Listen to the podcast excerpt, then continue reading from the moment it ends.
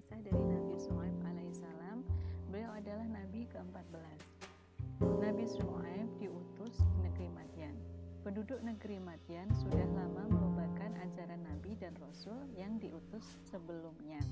Mereka tidak percaya adanya Allah. Mereka menyembah hutan, menyembah aikah, sebidang padang pasir yang ditumbuhi pohon dan tanaman.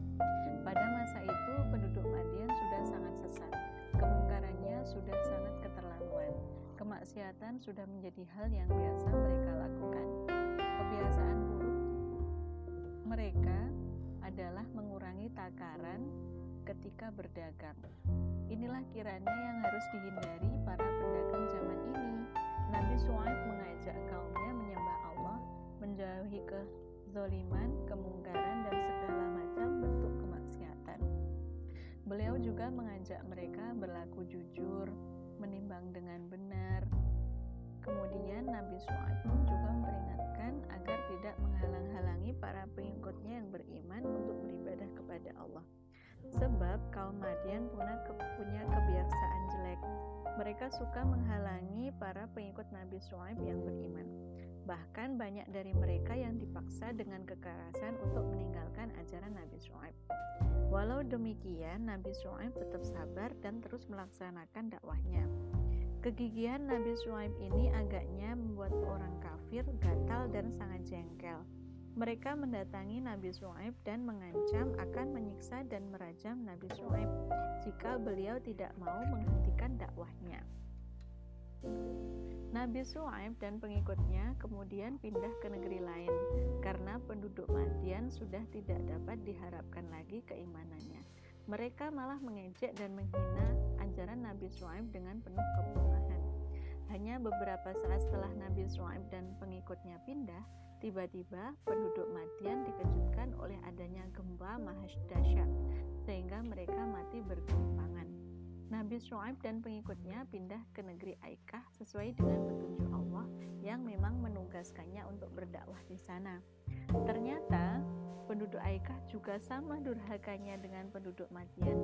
Mereka menolak ajakan Nabi Shu'aib untuk menyembah Allah. Mereka bahkan mengejek dan mengancam Nabi Shu'aib. Mereka menantang agar Nabi Shu'aib segera mendatangkan azab yang dijanjikan. Karena terus-menerus berbuat kedurhakaan, tak bisa diingatkan lagi, maka Allah mengazab mereka. Mula-mula mereka diserang udara yang sangat panas sehingga mereka keluar dari rumah untuk mencari udara segar. Tetapi di mana pun mereka berada, udara telah berubah menjadi panas hingga menyesakkan dada dan nafas mereka. Ingatlah, udara semacam ini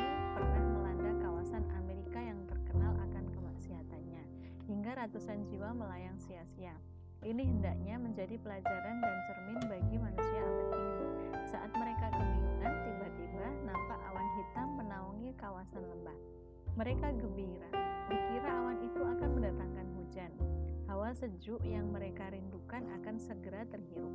Namun angan-angan itu buyar berantakan, karena tanpa diduga datanglah angin yang sangat kencang. Mereka terhempas dan terlempar. Pada saat demikian, awan hitam menyambar menyambarkan guntur yang saling menyusul. Binasalah kaum yang durhaka itu. Tak satu pun yang tersisa hanya Nabi Shu'aib dan pengikutnya yang selamat karena mendapat rahmat dan perlindungan Allah Subhanahu wa taala. Demikian kisah dari Nabi Shu'aib. Semoga kita dapat mengambil hikmah, pelajaran dan teladan di dalamnya. Sampai jumpa di episode kisah Nabi selanjutnya.